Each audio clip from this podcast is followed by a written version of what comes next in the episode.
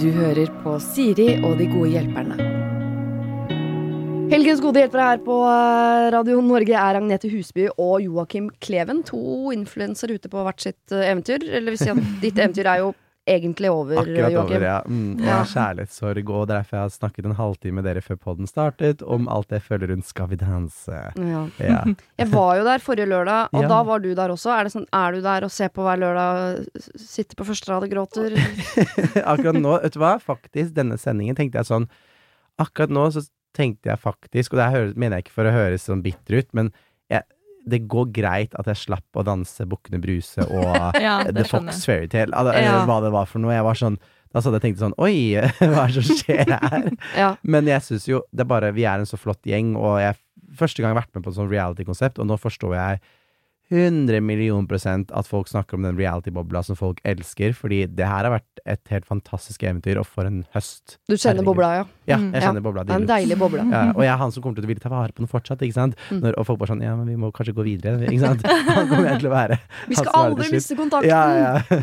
Famous sånn. last words. Uh, Eh, og du, Agnete, i, det er en fryd å følge deg i 71 grader nord. Eh, ikke for å tråkke på Skal vi danse, men jeg, altså, hjertet mitt banker jo hardere for 71 enn for Skal vi danse. Sånn, den bobla er eh, nydelig. den er hard, den bobla der. Den er veldig hard. Ja. Særlig når vi spilte inn, så var det jo full koronalockdown Ja. i resten av verden. Og vi, eh, vi koste oss og lata som eh, det ikke fantes. Mm. Og da var det som om det her er hele livet, liksom.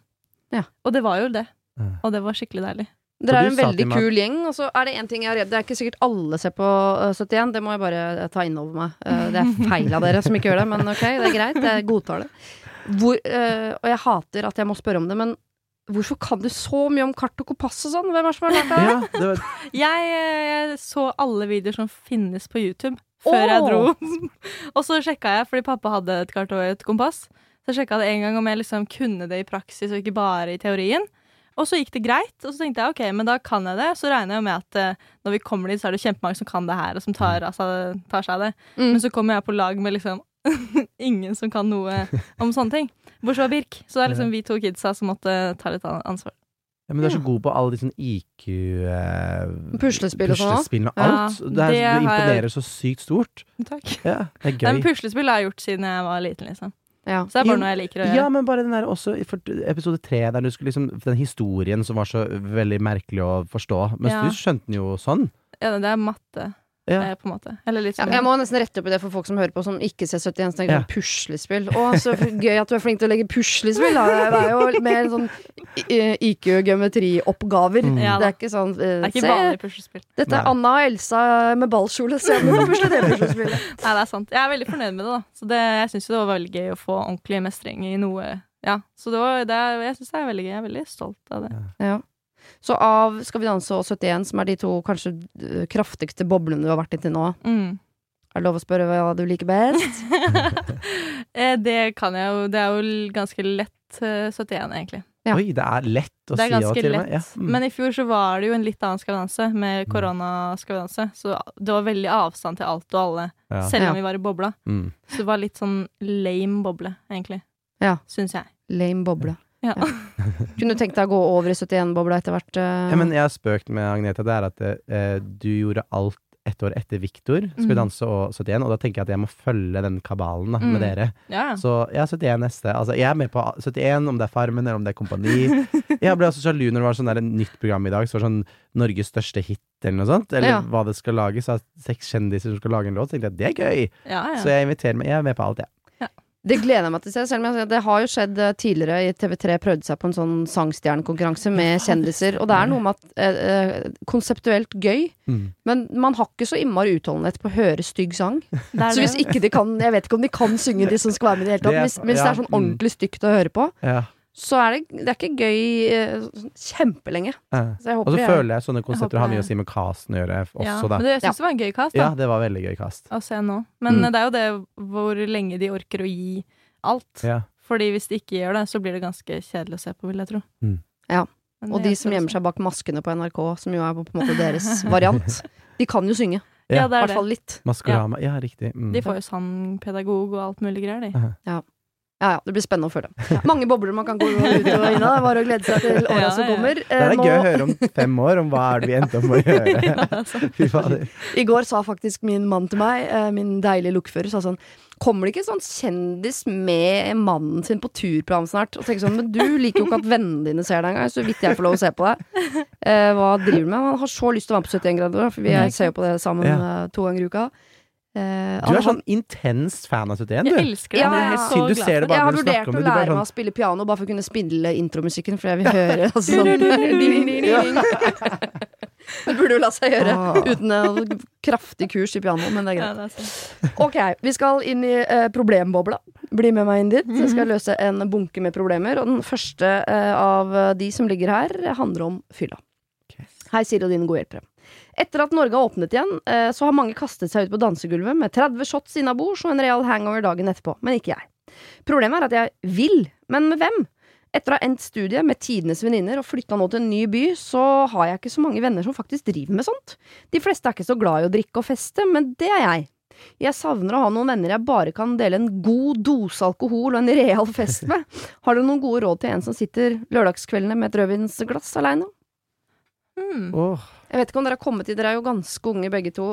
Mm. Når dere har kommet hit hvor vennene deres begynner å, å ikke bli kjedeligere, men på en måte skal kose seg med en camembert og et glass rødvin istedenfor å shotte og danse. Det skjer Ja. nok ganske snart, tror jeg. For nå er jeg han eh, Vi er i slutten av 20-årene, og folk begynner å få barn og gifte seg og sånt. Oh, ja, min er det sånn- vennene dine? Ja, nei, men det er det, nettopp derfor jeg begynner å henge sånn med Ja, deg. ikke sant? Fordi jeg har ingen sånne venner. Nei, men uh, Så det tror liksom jeg kommer til å bli Det her er meg om fem-ti år, tror jeg, å Ja. høre om det. Ja? Ehm, men råd og tips, jeg syns jo det er vanskelig å svare på. Men hun har jo venner der Mm. hun er nå. Mm. Altså, jeg, nå er jo jeg i en situasjon hvor jeg er den kjedelige personen som ikke blir med på ting. Bare fordi jeg ikke kan, fordi jeg driver og trener til sånn TV-program. Den nye bobla. Ja, den nye bobla jeg er i. Treningsbobla. Ja.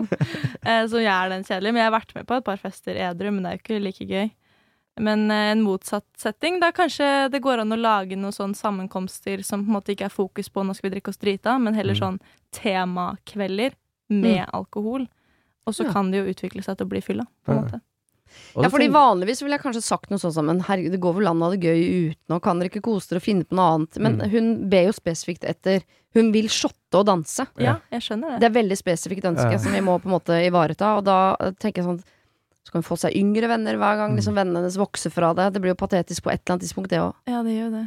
Oh, det, det er et vanskelig spørsmål, syns jeg. Men eh, det er jo det å bare få henne i gang, da. Ikke sant? Hvordan er det hun skal starte å være på fest og sånt? Så kan hun sende en DM, for eksempel, til noen hun har tenkt litt sånn Ok, de her virker sånn fun time, eller Mm. kan hun eh, være så gæren at hun faktisk drar på byen alene? Ja, det kan høres så trist ut å si det, men det er jo egentlig ikke Det Det er folk som gjør det. Folk Ja, gjør men bare sånn, Du drar på dansegulvet, tar noen shots, og så plutselig bare får du deg nye venner og Ja, koser deg ja. masse.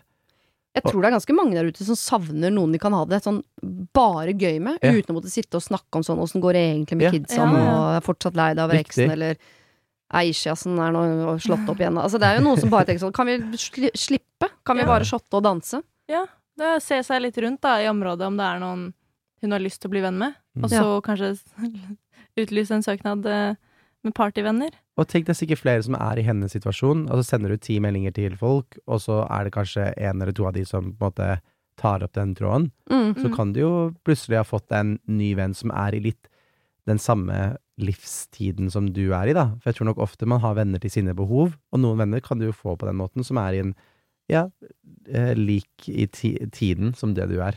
Eller prøv å finne Altså, det går jo an å invitere de vennene, selv om de kanskje virker kjedelige, så kan det jo hende de kan utvikle seg til å bli litt gøy. Mm. Hvis du inviterer på noe du vet de liker Hvis de er veldig fan av Harry Potter, da. Nå vet jeg ikke jeg hvordan venner hun har. La oss si det, da. Eh, og så inviterer hun til Harry Potter i kveld, eh, hvor det er liksom utkledning, og de skal se en Men så gjør Gøy. man det ut til en drikkelek, da, at hver gang Mm. Harry sier eh, Nå vet jeg ikke, jeg ikke helt hva han driver og sier hele tida.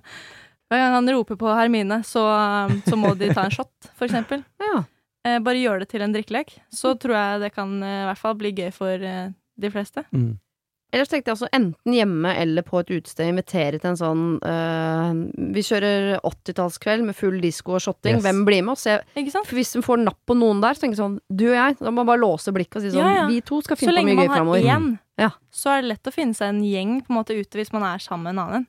Ja. Føler jeg i hvert fall. Jeg kan Mm. fint dra på byen med én venninne, og så henger man seg på noen andre, en annen gjeng, og så Ja, men det er noen ganger jeg har lyst til å si at jeg, jeg liker noen ganger å dra på en fest der jeg vet jeg kanskje kjenner noen ish, men egentlig ikke så har så gode relasjoner med noen mange på den festen, men å dra alene. For jeg syns ofte det er litt sånn digg, og jeg er kanskje litt motsatt av enn å drive og passe på en hele Ja, tiden. det er sant. Ja. Så nei, jeg stemmer for å bare ikke Det er du selv som tenker 'å, det er kanskje trist om jeg gjør noe alene'. Det er jo ikke det i det hele tatt. Det er bare du som er sykt kul. Tenk hvis du får Ja, ja. noen nye venner og bare blir helt crazy på byen, da. Det er jo gøy å ha Jeg tror- gjort ting alene. Jeg tror hun bare trenger en skikkelig hangover-dag. Faktisk, Eller liksom har opplevd det fordi hun hadde det så sykt gøy dagen før. Ja. Ja. Og så Det er det høres ut som bare er uflaks at alle de andre er på bare Det er ikke det at de blir kjedelige, de er bare på et litt annet sted akkurat nå. Så kan det Mm, godt hende at de om noen år våkner opp og har lyst til å gjøre det. Ja. mm. Og da er du kanskje et annet sted. Nå sitter du og rugger et eller annet, Ja. hvem vet. Eller bli med i en klubb eller i et eller annet eh, miljø eh, som eh, Shottemiljø. eller om det bare er de som liker eh, å drive med yoga eller bare hva som helst annet, som kanskje også liker Mm. å shotte. Da. Ja. Ja. Det kan jo fort hende. Så får man i hvert fall nye venner å sjekke ut om de er keen på å shotte litt. Utrolig Kvinne43 å si, men uh, er det rom for Facebook-gruppen eh, 'Liker du å shotte?' For oss som liker å shotte. Altså, se om Ja, Facebook-grupper er det, så jeg vet ikke om det er det man driver med fortsatt. jeg. Ja, Kvinne43 driver med det. Det er det vi driver med, faktisk. Ganske mye. da tenker jeg det er bare å gunne på, egentlig. Facebook, hva er det? Nei, ikke det. TikTok-gruppe. Ok, Vi skjønner at du har lyst til å shotte og danse. Jeg skjønner også at ikke alle har lyst til det, så du må bare finne eh, hun ene eller eh, han ene som har lyst til å bli med på det, så må du gjøre det massivt framover. Yes. Eller så må du tørre faktisk å gå alene på byen og få deg eh, noen eh, nye venner som Mm. er på samme sted i livet som deg akkurat nå. Amen. Ok, vi skal hjelpe Marianne og Knut, eller mest hjelpe Marianne med å hjelpe Knut, hvis Knut vil ha hjelp, da. Eh, jeg har et problem angående eh, samboeren som ikke vil kvitte seg med ødelagte klær. Eh, jeg har sagt til han mange ganger at jeg kan kjøpe nytt om det er sånn at han ikke vil bruke penger på det. Det er rett før jeg kaster klærne hans når han er på jobb. Hva eh, kan jeg gjøre for at han skal kle seg i klær som ikke er hullete? Du kan kalle meg Marianne, og han får Knut. Dette virker kanskje som et smått eh, problem, men dette kan, dette kan være starten på et samlivsbrudd. Jeg skjønner det. Lurer på, jeg, jeg føler med Marianne, da. Det må jeg jo si. Ja, det skjønner jeg òg. Altså, det hadde jeg hadde jo blitt litt frustrert om kjæresten min hadde gått rundt med masse hullete klær og slitte klær. Mm. Mm. Selv ikke, altså Du kan jo kjøpe flotte, nydelige secondhand-klær som ikke har hull heller, på en måte. Så det er jo bare at du er veldig behandler klærne dine dritt. Ja, men han vil ikke kaste de. Han vil bruke de fortsatt, selv om det er hull i de. Han er sikkert som fyr som syns de er skikkelig Det er da de begynner å bli myke, ordentlig myke og gode. Okay. Ok. Kan Men kan, kan man ikke møtes på, halv, liksom på halvveien, holdt jeg på å si? At man tar eh, Hvis han har et par eh, deilige antrekk han elsker å gå med inne, som ikke er i offentligheten, så kan han få lov til å ha det i én skuff. Mm. Og så har han to nye skuffer med nye klær. Ja. Ja. Ja. Altså, jeg alltid gi klær i jule- og bursdagsgave, da. Mm. Det er jo en mulighet. Ja. For det er jo litt sånn når man først har fått noe, så er det litt Det skal jo litt til å ikke bruke det hvis det passer og er fint, liksom. Eh, Ja, for vi vet jo om Knut er en fyr som uh, bare ikke er så opptatt av klær, men hvis det ligger en bukse og en genser her, så tar han på seg det. Samme Ja. for han. Eller om han er en fyr som av en eller annen merkelig grunn har et eller annet prinsipp som gjør at jeg, men jeg skal gå i filte og hulteklær, for jeg er ikke en del av, av hysteriet der ute. Ja. Da, da er det vanskeligere å gjøre noe med Knut. Det er sant. Men da går det an å kanskje ta en shoppingtur på noen second hand-butikker og Yes. finne noen klær som har hull der hvor det er mening at det skal ha hull, for eksempel. Ja, for et hull kan være fint. Det kan jo være hull i en bukse hvis det er meningen at det er hull der. Men Ja. sånne hull som er sånn man skjønner at det ikke er meningen at det skal være der, da er det litt mer sånn eh. Altså hull, sånn slitte hull ved pungregionen på en gammel denim, liksom. Det er ikke så Det er ikke der du vil ha det.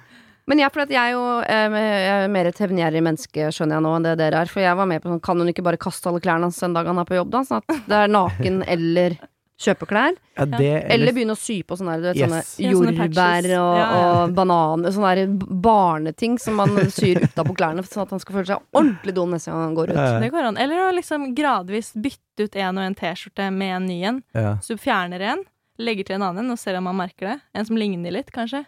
Og så har du kanskje en uh, egen skuff hvor du har gjemt alle disse hullete greiene etter hvert. Mm. Men det er ikke sikkert han merker at de egentlig er borte. Og så går han over da Man- smooth til å bruke klær uten hull. Ja, man må veldig Hvis han er veldig obsessed med de hullete klærne sine, så begynner jeg da kan man late som de er borti vasken. hvorfor det da. er det en sentimental verdi de klærne dine har. Er det lommemannen det samme? ja, det kan være det. Men jeg, hvis man skal ta det seriøst også, for jeg tenker en ting som kan fungere, selv om det er sikkert mange som mener at det er slemt å gjøre, men det er noe med Når jeg sier at det er starten på et samlivsbrudd, så mener jeg det. For det er noe med på et eller annet tidspunkt så syns hun Knut bare er tjuskete. Ja. Slutter å tenne på han. Vil ikke Ja. ligge med han mer. Ikke sant? Og da kan, tenke, da kan du velge mellom hull i klæra eller andre hull. Hva du er mest opptatt av i parforholdet. Det er sant. Eh, Altså Jeg ville gått inn igjen Jeg tror ikke jeg ville sagt det, men etter hvert så kan du gå over en fase som bare Vet du Knut, jeg orker ikke å ligge med deg, for jeg tenker at du er møkkete. ja, amen. Det går jo an å bare spørre altså, er, det, er det så viktig å ha hull til klær. Jeg syns ikke det er noe fint på deg. Ja, jeg er er keen sånn, på å se deg fin. Du Ja. har, du har potensialet. Husker du ikke den gangen du, når du ikke hadde de hullete klærne, på en måte? Hvor fint vi hadde det? Ikke sant? Ja. Ja, det er det det er det skal skje. Og ta vare på noen hullete plagg, men herregud, skaff deg nye klær, da. Det er sånn Ja. Jeg skjønner at man skal bruke klærne Mm. klærne Og det her har, kommer men fra eh, regissøren av Sweatshop som har lagd er om tekstilindustrien i Kambodsja. Alt det. Ja, det er flott at man kan stå for at man ikke skal eh, kjøpe masse klær i hytt og pine. Jeg respekterer det som faen, men Mm. det fins Altså, gud, dra på byttekveld med klær, andre klær, eller om du s- drar på secondhand-butikk. Det er så mye utvalg du kan ha uten å måtte gå med hullete klær. mm. Men enten lapphulla eh, som er i klærne dine, gå og kjøp Ha to bukser og to gensere, eller altså et eller annet. Men det høres ut som det er Marianne som må gjøre dette på Ja. ta Ja, det initiativet. virker sånn. Ja. Knut kommer ikke til å gjøre det. Marianne, vi følger med deg. Ja. Ja, det gjør vi. Marianne, slå et slag for Knut. Yes. Gjør Ja. det. Bare gjør det. Ok. Eh, vi har et problem som vi ikke har hørt være diskutert hos dere før, og vi vil gjerne høre hva dere tenker om dette. Vi er noen ganske fortvila venner som har lurt på hvordan vi kan hjelpe vår felles venn, kall henne Beate. Beate er så bra, hun er omsorgsfull, kreativ, samfunnsengasjert og intelligent. Utfordringen hennes er at hun er veldig overvektig. Vi kan tenke oss ja, 150-150 kilo kanskje, 140-150 kilo står det, eh, og har vært det store deler av sitt liv, sånn som vi har skjønt det da. Vi ble kjent med henne for ca. syv år siden. Hun forteller av og til at hun syns det er kjipt å være såpass stor, og at hun ønsker å gå ned i vekt, men forteller likevel ofte at hun ønsker å bli glad i seg selv som hun er, og hvor bra det er med kroppspositivisme. Hun snakker om at hun har lyst på både kjæreste og barn med tiden. Hun blir forelska i gutter og uttrykker at det er kjipt at det aldri skjer noe for hennes del på kjærlighetsfronten. Vi tenker jo at det kan være noen der ute for henne òg, men at så lenge hun ikke tror på det selv, så kommer det trolig ikke til å skje. Vi er bekymret for henne. Selv om hun fungerer godt eh, på jobb og sosialt, så tenker vi at hun ikke tar grep, eh, og at hun derfor kan havne i faresonen for diverse livsstilssykdommer og et liv hun i utgangspunktet ikke ønsker. Noen av oss har selv gjort en livsstilsendring til det bedre, og vet at vi kunne bidratt med gode erfaringer, tips og hjelp, selv om jobben for henne nok er betydelig større. Vi har skjønt at dette er et veldig sårt tema for henne, og det er derfor det er vanskelig for oss å ta det opp. Hva ville dere gjort dersom dette var deres venn, og det er av betydning? Hun er 33. Med vennlig hilsen rådville venner. Det var en Ja. veldig fin eh, melding, da. De Ja, ja. virker jo som veldig gode venner, det må Mm, jeg si. Absolutt. Og jeg kan forstå den problemstillingen veldig godt, fordi det å snakke om vekt og er så sårt tema, Mm. eh, den ene eller den andre veien Ehm, åh, Det der syns jeg er også veldig vanskelig å svare på, men jeg syns jo bare den mailen i seg selv, om den var nesten lest den for hun, så hadde, eller hun hadde på en måte sett den ordlagt på den måten, så tror jeg hun hadde, det hadde truffet Beate, da. Mm. Ja. Veldig. Men det er ikke sikkert hun hadde enda noe allikevel, da. Egentlig. Nei, men da til slutt blir det jo at end of day henne da Beates ansvar, hvis ikke engang vennene klarer å få det til, og den på en måte Du kan jo ikke heller lure noen til å liksom Nei. slanke seg uten at den på en måte vil ordentlig slanke seg, for eksempel. Men det går an å gjøre det på en måte hvor det er som en aktivitet som man gjør sammen. Ja. Noe som er gøy. Det er sant. Nå har jo jeg blitt treningsguru.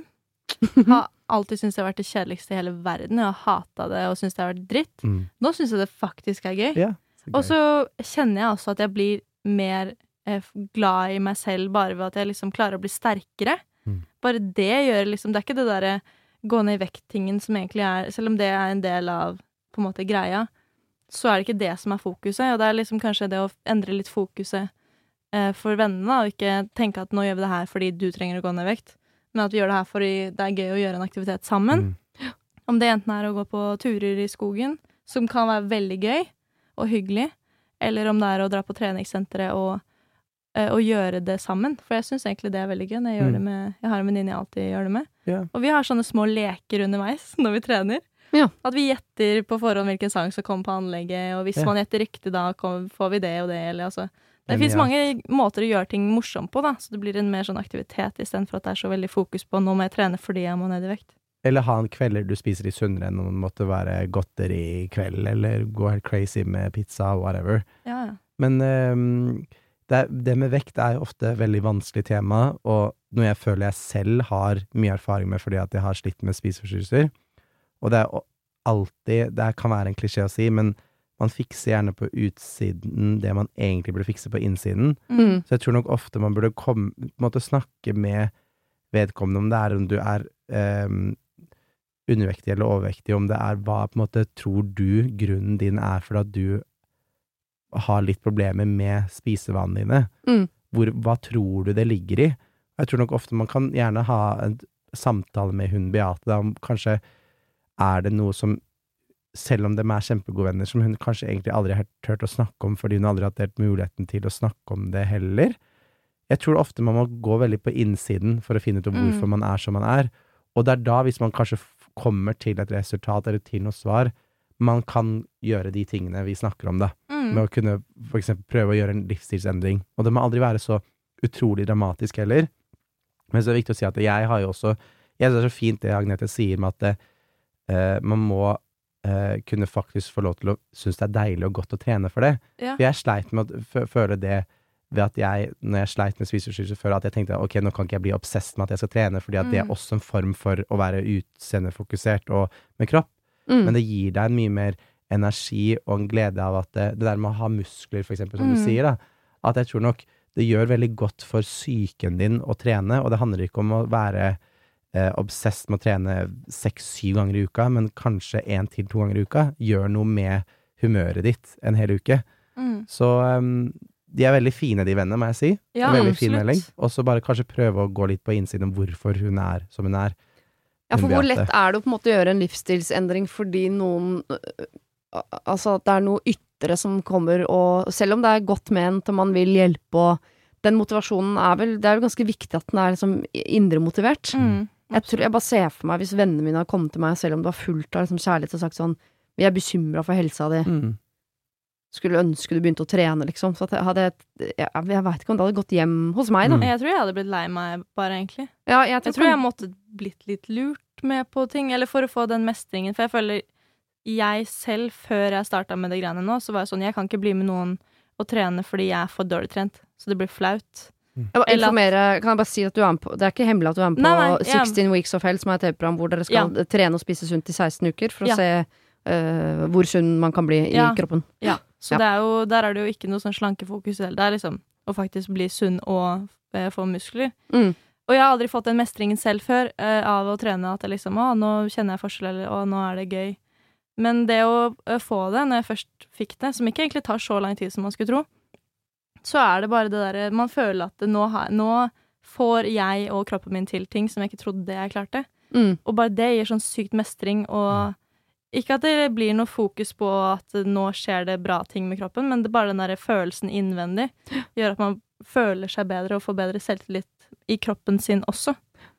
Og så fins det jo så mye sånne prosjekter som man kan sette i gang som er sånn øh, om å gjøre å gå lengst før jul. At det for jeg, jeg tror hvis jeg hadde, hvis jeg hadde veid 150 kilo, da, så kommer hun dritsøte venninna mi som ser altså så nydelig ut i tights, og lurer på om vi skal jogge sammen. Så har det blitt sånn vær så snill å dø sakte Ja, ja. mens jeg ser på. Mm. Uh, så jeg, jeg tror jeg ville ha trent alene. Sånn, Mm. jeg, dette, dette må jeg bare fikse alene, fordi eh, Ja, jeg vil, jeg vil bare gjøre det selv, for jeg vet ikke om jeg får det til. Jeg vil ikke ha du ser på. Man kan til og med bli sur for hvis noen står her sånn blide og applauderer på Ja. siden. Der er man forskjellig, altså. Jeg bare Mm. ser for meg kanskje man skal legge fram forskjellige typer forslag. Ja, ja. Ikke nødvendigvis alltid at vi må gjøre det sammen, men er det, skal vi ha en eller annen utfordring fram mot jul, eller Mm. Ja, og det trenger ikke å være Ja. så komplisert, sånn som det å jogge. Man tenker å, det er det jeg må gjøre for å få bra kondis. Det er jo helt like bra å bare gå en tur. Ja. Og så kan man gå det, jeg, nå, I det opplegget jeg er i nå, så går jeg en power walk Ja. hver dag på en Mm. time. Og det er jo egentlig bare å gå litt fortere enn du går når du slasker Ja. rundt, liksom. Mm. Og så har du gjort det, og hvis man gjør det hver dag, eh, så både det får deg til å du klarne hodet. Mm. Veldig deilig å bare gå ute en time, liksom. Og det, er jo, det hjelper jo veldig på kondis allikevel, da, selv om Mm. det ikke er det man kanskje tenker at det gjør. Ja. Så om det kunne vært en utfordring, og bare sånn, da, la oss bare prøve å gjøre det hver dag en uke. Herregud, kanskje det har vært gøy. Men en ting er jo å sitte og vite, for dette er jo ting man vet og man har lest og man har hørt og i det hele tatt. Det vanskelige her er jo å, å snakke med venninnen sin om dette. Mm. Altså, som du sier, Joakim, det, er- det er en vanskelig prat å ta. Mm. det er et vanskelig tema. Absolutt. Og man vet jo ikke hvem hun vil høre det fra. Mm.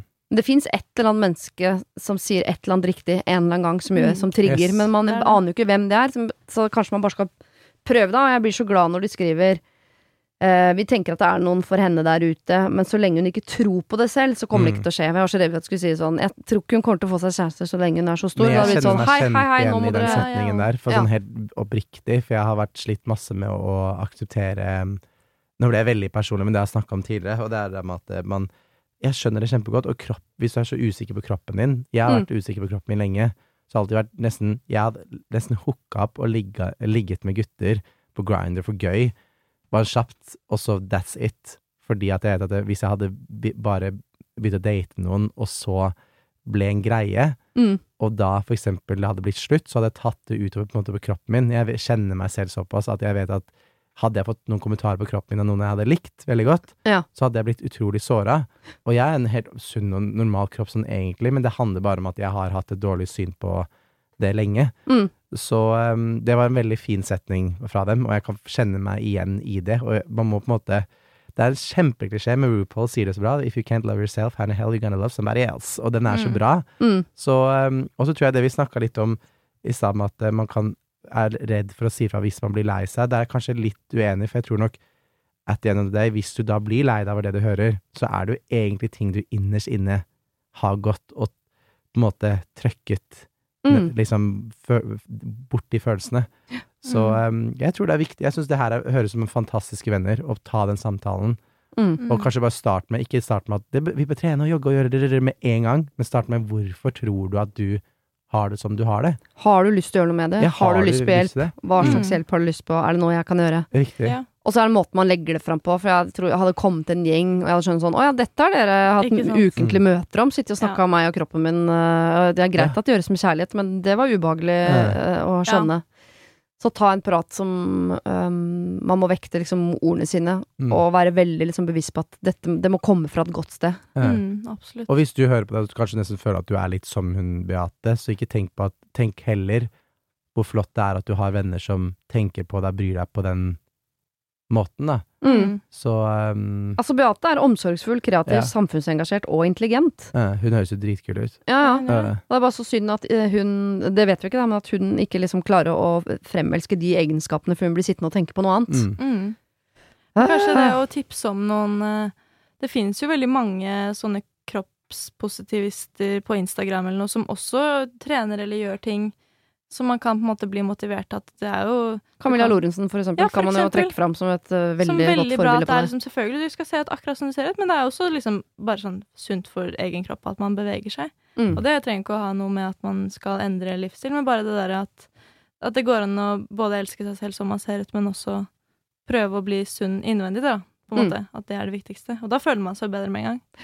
Og så er det, det er et eller annet som trigger at man får lyst. Noen, for noen så er det at de får seg en kjæreste. For noen så Mm. er det at de for eksempel får barn. Så tenker jeg at nå må jeg gjøre noe med livet mitt. Mm. For noen kan det være å, å se seg selv i boblejakke på 71 grader nord. Nå snakker jeg meg selv, ikke om deg, Agnete.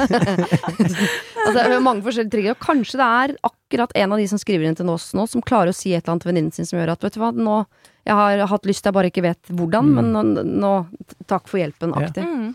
Så dere Tips skriver med noe.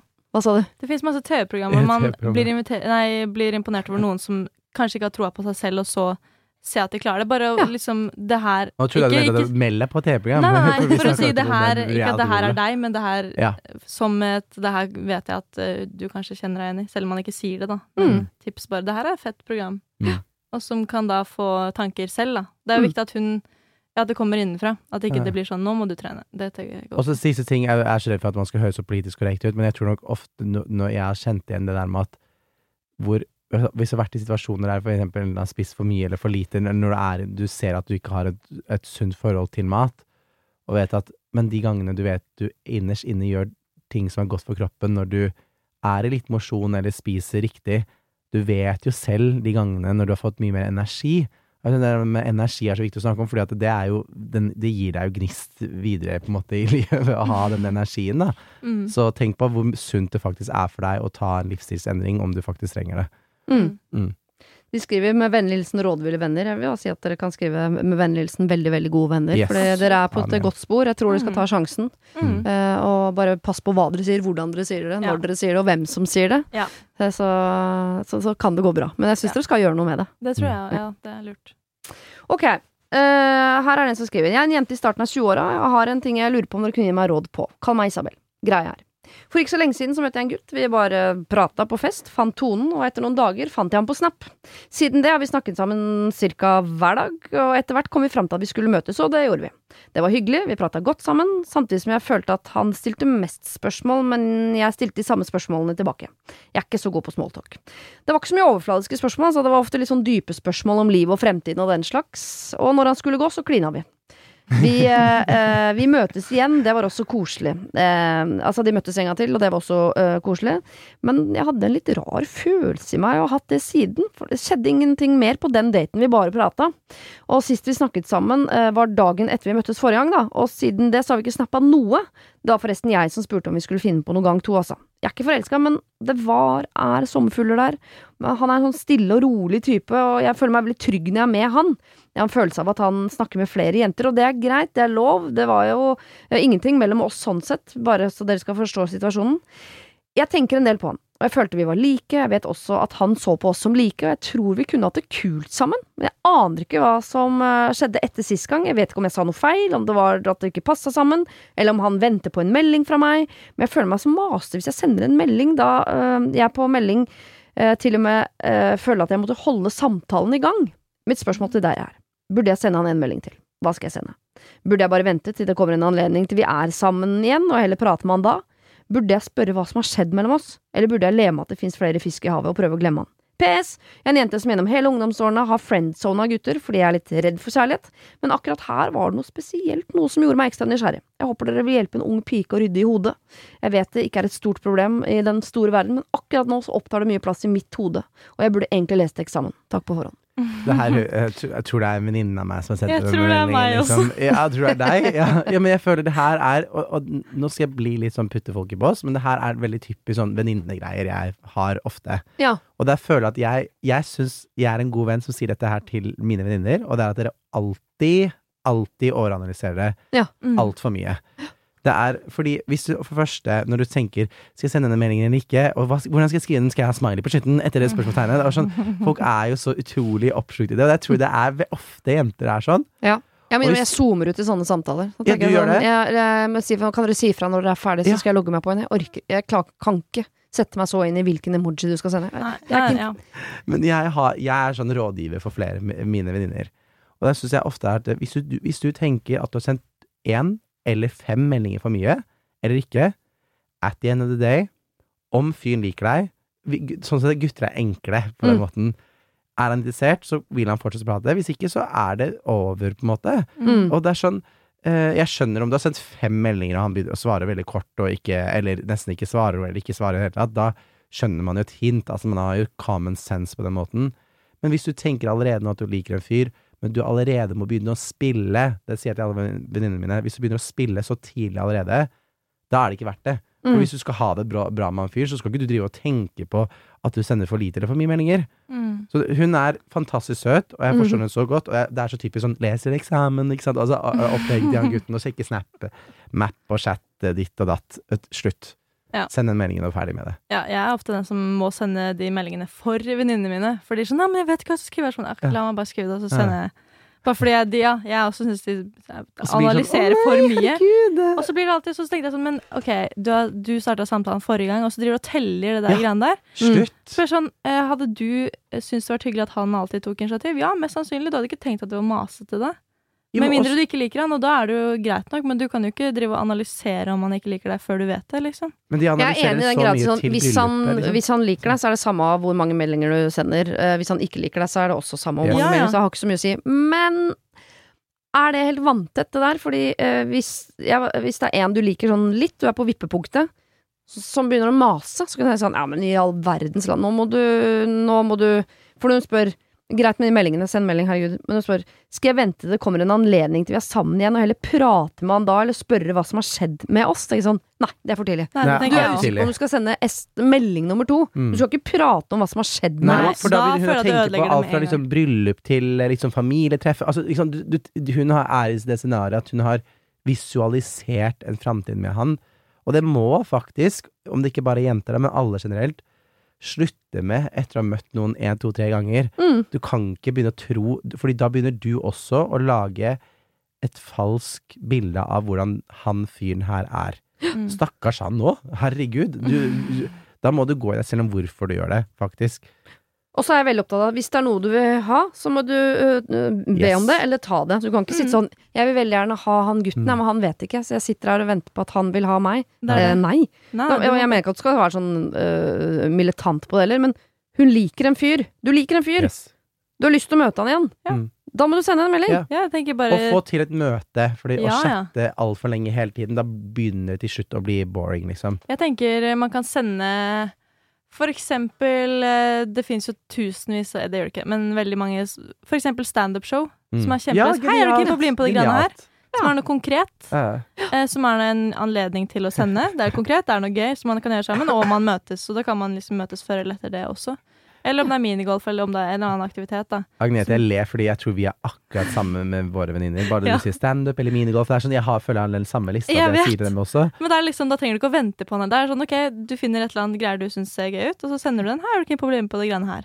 Det er jo så enkelt. Og så er det veldig enkelt. Og om det er nei, så vet du det. Da er det sånn, ok, nei, men den er det greit. Ja. Er det lov å slenge inn et lite kompliment på henne? Det Dødshyggelig å treffe deg Ja, sist. Ja, har lyst til å stikke og synge karaoke? Mm. Akkurat. Eller ta opp kanskje for eksempel sånn typisk jenter liker å gjøre, men det, er- det er bare søtt, og det er sånn derre Um, ja, du må vise om du er noe god i minigolf, som du snakka om. Da, ikke sant? Drar Ja, ja. inn noe du har Ja. snakka om tidligere. Og så tror jeg ikke det er noe smart å ta opp sånn Hva skjedde egentlig? For da blir du den irriterende som er sånn altfor overtenkende. Og det er sånn Ikke bare gutter, men også meg sjæl Ja. og mange jenter.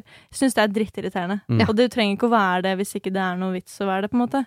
Nei, ikke spør hva som skjedde med oss. Ikke vent på en anledning hvor dere møtes og ta en prat med han da. Nei. Ingen av de Trenger bare tingene finne der. noe gøy. Send en melding. Enten så har han lyst, eller så har han ikke lyst. Og har han lyst, så gjør dere det. Har han ikke lyst, så går du videre i livet. Og da er vi Yes. over på den flere fisk i havet-varianten. Mm. Ja. Men det skader ikke å prøve. Eh, Hvis Men hun du er, liker han, veldig, er bare- hun er veldig, veldig søt, og Veldig du er søt. absolutt ikke rar. For Nei, det her er veldig Og jeg er friends høre mange alle vennene mine også. Ja.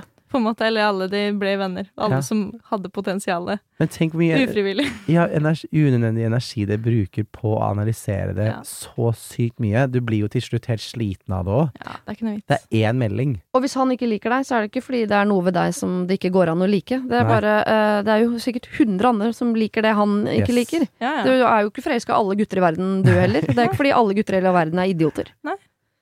Helt riktig. Åh, så glad jeg er ferdig med greiene der. Jeg er ikke ferdig med noe av det. Jeg er bare glad jeg slipper å overtenke, for jeg syns det er så drittirriterende. Mm, Sjæl. Har du problemer selv, send dem inn til siri at radionorge.no.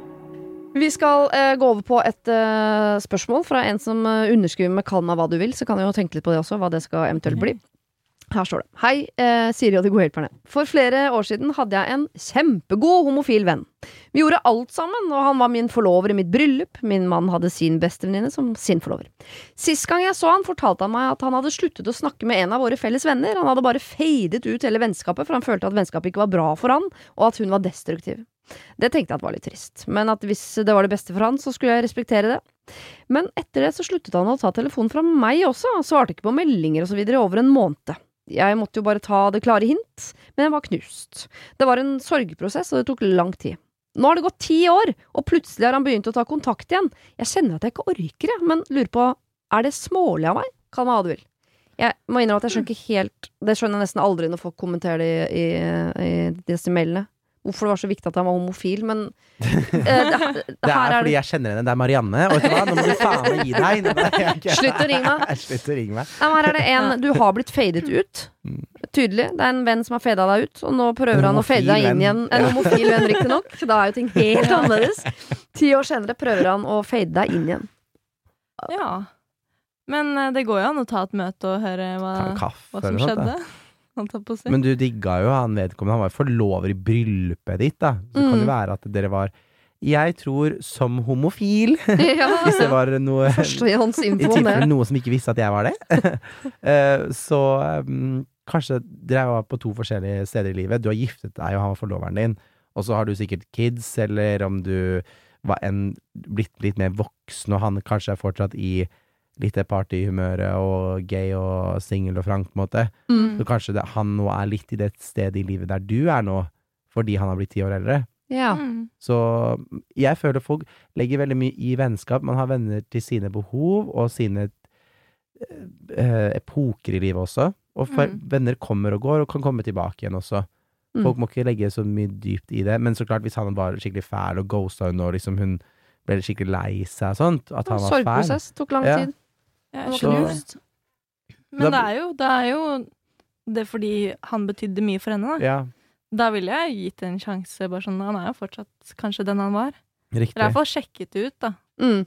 Tatt en kaffe. Mm. Ja, for hvorfor orker hun ikke? For det virker ikke som Du orker jo være vennen hans, men du orker kanskje ikke at det er en frykt for sånn Ja, hva skal han fade meg ut igjen? Mm. Eller jeg orker ikke at det skal være så av og på, dette vennskapet. At, det, er den, at Ja. det hun ikke orker, kanskje er potensielt å måtte gå gjennom en ny sorgprosess, da. Jeg vet ikke. Men Da for, forlover, liksom? Da tenker jeg sånn, det er nesten, Å være en forlover, det er nesten den også vennen du gifter deg med også. Forstår du? For det, å være en forlover synes jeg er ganske stort, da. Ja, ja. Så det er sånn, du, står, du står jo der på bryllupsbilen og poserer med forloveren din, på en måte. At Ja. det er jo en venn som har betydd mye for deg en periode i livet ditt, eller om ikke en lang periode i livet ditt, sikkert, da. Mm. Så er du ikke nysgjerrig også, bare? Om hvordan det Jeg går hadde med vært han? veldig nysgjerrig. Bare sånn, Ja. hva, og så hadde jeg s- spurt hva var det som gjorde at det ble som det ble. Ja. Mm. Var det noe i ditt liv, eller var det noe jeg gjorde, eller Ja. Bare Mm. sånn, Jeg hadde vært nysgjerrig. Ja. Og så da se ok, er det muligheter for å komme tilbake der vi var. Mm. Men hvis hun ikke har lyst, så kan hun vel bare la være. For det, det har jeg Ja. tenkt tidligere i uh, relasjoner hvor noen har fada ut av livet mitt. Så har jeg tenkt sånn Du valgte å fade deg ut. Da er det egentlig jeg som velger om du får fade deg inn igjen. Og hvis Ja. ikke interessen er der, Det er så er det ikke ingen som skylder noe. Nei. Så hvis hun ikke har lyst til å ta opp igjen dette vennskapet, tenker sånn jeg har ikke plass, orker ikke, så er det jo bare Så har hun jo all rett til Ja, å bare Mm. gi blanke. Hvis hun er nysgjerrig på hva skjedde egentlig, så kan hun gjøre det da. Ja, nei, men hvis hun ikke har lyst, så jeg tenker da er det jo bare å ikke svare. Ghosta han. Men det, er en, men det er en forlover, liksom. Jeg vet ikke hvorfor jeg legger så mye press på dette her. Og, og, han er homofil! Og så derfor er det så viktig at det liksom sånn derre Du kan ikke miste han her! Nei, det- Nei, det var mer det med at det kanskje sånn eh, Jeg hadde tenkt det på venner og bekjente og sånt. Da hadde jeg tenkt det samme som deg, Siri, men jeg Mm. hadde kanskje Hvis det er noe som har betydd mye for deg en lang periode i livet ditt, så hadde jeg kanskje om så bare møtt på en kaffe Du trenger ikke å legge sånn noe stort i det, men du hadde, jeg hadde kanskje ville prøvd å møte vedkommende igjen. Kanskje det Mm. er en grunn til at dere sklei ut. Da. Kanskje han hadde det mye tøffere enn det du trodde. Who knows, da, hva det Ja. er. Mm. Jeg tror jeg hadde i hvert fall tenkt at det er hyggelig å Mm. ta en kaffe, og det betyr jo ikke at man trenger å ha hverandre i livet egentlig i det hele tatt, men at Mm. man kan i hvert fall catche opp litt og rydde opp litt grann, og få kanskje et nytt innblikk i hvordan det var. Mm. Ja. Og så da etter det velge om man vil fortsette å ha den der. Jeg er med på den kaffen, men da syns jeg meg på den kaffen, for da merker man jo fort sånn Er det kjemi her fortsatt? Har jeg Yes. savnet deg? Eller er det sånn Fader, du er uenig. Du er egentlig ganske irriterende. Det Ja, hadde jeg glemt jeg at jeg syns. Ja, ja. det var egentlig digg at du var borte. Men jeg syns man kan være ganske sånn tydelig i den praten på sånn Hei, jeg skjønner ikke hva som skjedde mellom oss, så hvis du skal logge deg på igjen nå i dette vennskapet, så, så, så forventer jeg på en måte at at vi har en relasjon som ikke bare kan fades ut. For det er jo ja, Jeg tror jeg ville vært bitte litt rann, Ikke streng, men kanskje bare litt tydelig. Ja. Jeg hadde vært tydelig, ja, og sagt jeg gidder ikke at det skal Eller du kan ikke bare komme og gå som du vil, på en måte. Nei. Det her er ikke noe, noe døgnåpen sjappe hvor du Ja, kan jeg stikke og ikke Men eh, og ja, være tydelig på det, men samtidig gi det en sjanse, da. Vi kan ikke være venner når du har behov for det, liksom. Enten Nei. så er vi venner, eller så er vi ikke det. Ja, det Jeg er likte den, jeg er ikke en døgnåpen sjappe. jeg si. Jeg er ikke mekkeren på Alna, liksom. Eller så det- vegetarien. Gidder du si akkurat det? Det hadde vært så fint. Vi skal videre i forloverproblematikken, okay. faktisk. Så jeg bare Ja. holder på den. det er jo deilig å Mm. vite at du og meg er såpass liksom sånn Ja. på at for forlover er stein og er er best friends forever osv. Ja, vi får se, da. Eh, hei, Siri og dine gode hjelpere. Jeg giftet meg for et år siden, og jeg valgte den venninnen jeg var mest med på dette tidspunktet som min forlover. Det var et eh, naturlig valg basert på at jeg tenkte vi ville være venner lenge. Vi kan kalle henne Nora. Vi har vært gode venner i ca. fem år, og nå bor vi i ulike byer, og dette gjør at vi prates sjeldnere. Det er fortsatt hyggelig når vi møtes, men jeg har en følelse av at vi ikke kommer helt inn på hverandre lenger. Vi deler ikke det nærmeste, og vi er dessverre ikke en så stor del av hverandres liv, og begge tar sjeldnere og sjeldnere kontakt. Mm. Så til ehm, det jeg har tenkt på en stund. Jeg tror det ikke er altfor lenge til Nora kommer til å bli fridd til av kjæresten sin. Hadde jeg vært Nora, så hadde jeg eh, sett for meg at jeg hadde følt for å vurdere meg som forlover, fordi jeg valgte henne. Selv om alle vet at man må velge den man vil, er det for fort å føle at hun måtte ha forklart hvorfor osv. Hva er deres tanker rundt dette? Jeg vet at Nora har flere nære venninner som jeg tror hun egentlig ville valgt overfor meg. Og da hadde jeg nesten følt det rart å bli valgt. Kan jeg ta dette opp med henne, hvordan gjør jeg det uten at det virker som om jeg virkelig vil bli valgt? At jeg bare sier det for at jeg forventer å bli valgt? Jeg har jo ikke vært en, en nok interessert venn i det siste som fortjener å ha en nærere venn som sin forlover. Jeg tror det fortsatt kan være ett år til frieriet, altså. Det er jo vanskelig å vite. Men burde jeg eventuelt ta det opp nå før det skjer, eller vente til hun forteller at hun er forlovet? Vi er tidlig i tjura, dere kan kalle meg Birgitte.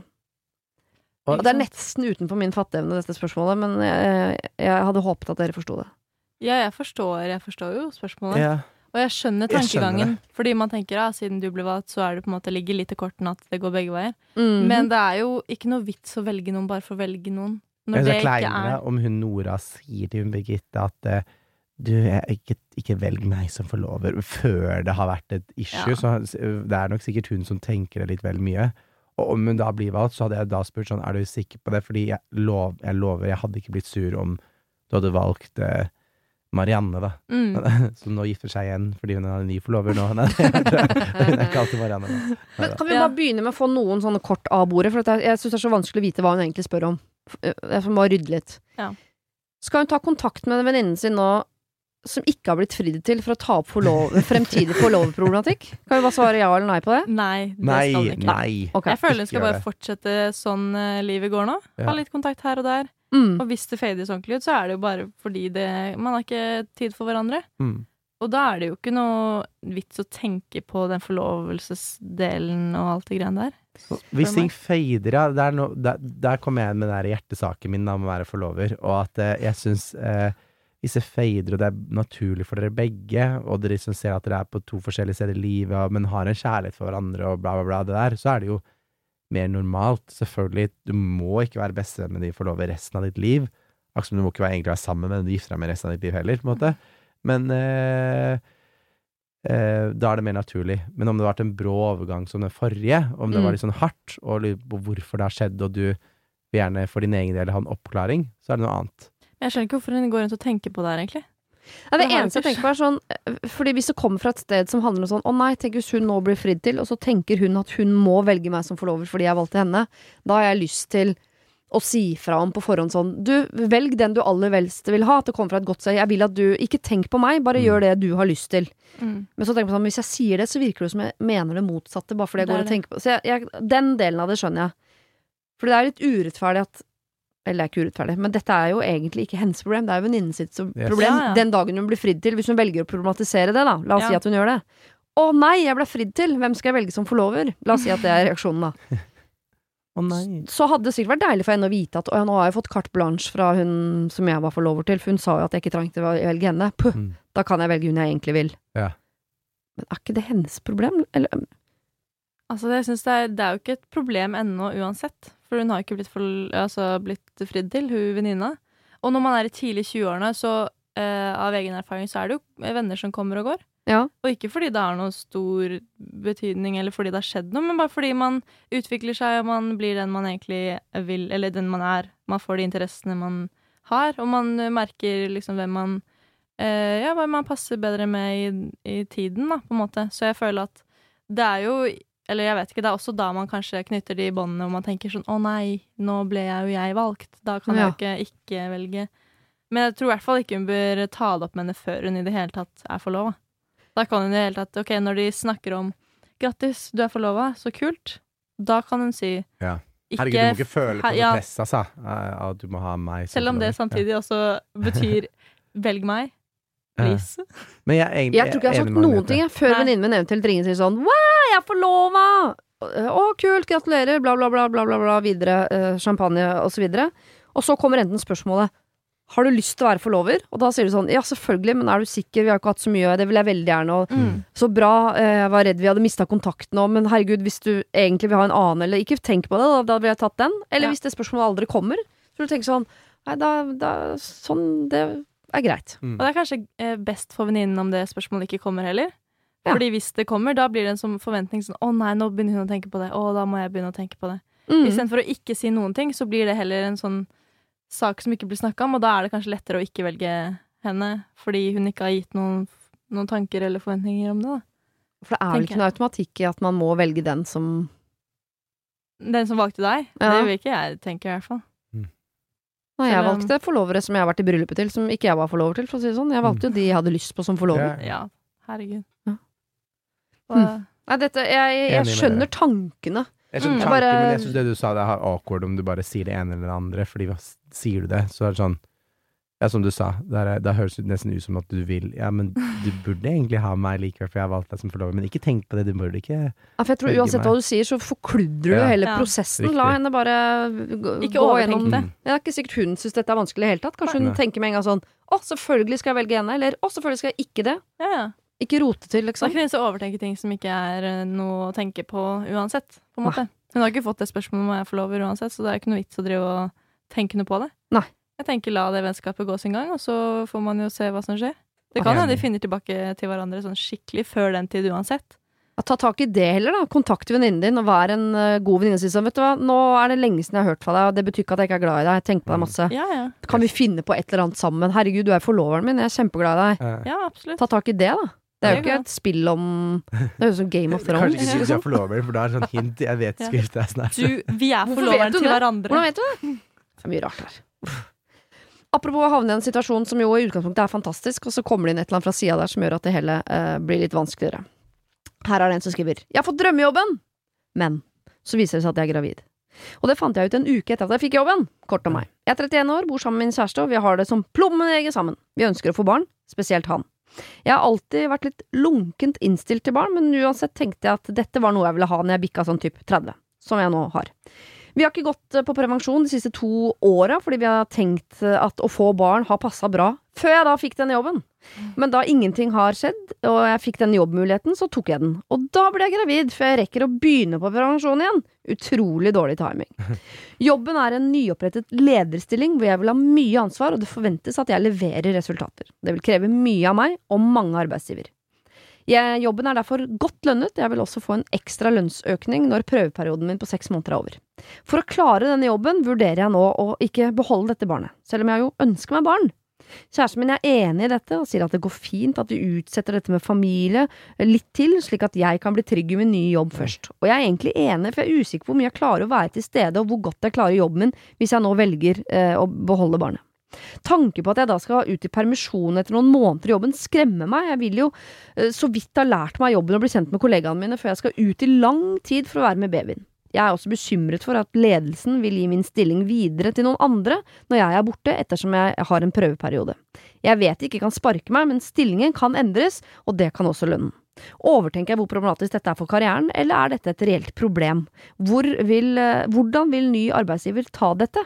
Jeg trenger virkelig noen råd. Jeg håper dere kan hjelpe meg, kanskje bli litt klokere på hvilke valg som føles riktig for meg. Hilsen usikker businesskvinne. Herregud, for Dette er jo ikke et valg vi kan ta. Det blir vanskelig å si på radio. Ja, ja, det- Kvitt deg med den ungen. Nei, Ja. men fader, for et eh, Jeg skjønner jo problemstillingen hennes Ja, ja. Mm. veldig godt. Og det er jo helt forferdelig å si det, men det er jo det som er kjipt og dritt med å være på en måte eh, kvinne med, i en arbeidssituasjon der det er en ulempe at man er liksom, gravid. Fra, Mm. Det er jo ja, bare eh, sinnssykt kjipt, syns jeg. Mm. Uh, Skulle ønske vi levde i en verden vi sa sånn, men herregud, det skal ikke ha noe problem. er De skal problem, tilrettelegge, ja. og det skal ikke Ja, ha noe å si. Men det blir Og så vet du at er- sånn ja. er det dessverre ikke. Nei, det det er er jo ikke dessverre ikke det. Nei.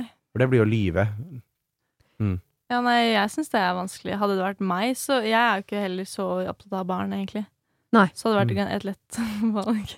Ja. Men jeg skjønner at når man er, også når man er 31, så er det jo på en måte Man begynner jo å tenke på klokka og sånne ting også. Og så Mm. er det jo det derre Jeg vet at det er veldig mange som tenker sånn hvis jeg tar abort, så tenk om jeg ikke får muligheten til å få barn igjen. Mm. Det er jo de dilemmaene der, og det vet man jo aldri, på en måte.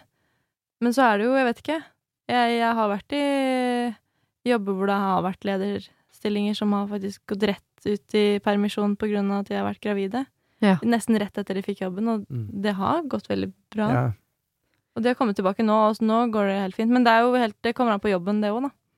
Ja. Så er det jo mange som velger å gi store deler av permisjonen til far, da. Ja.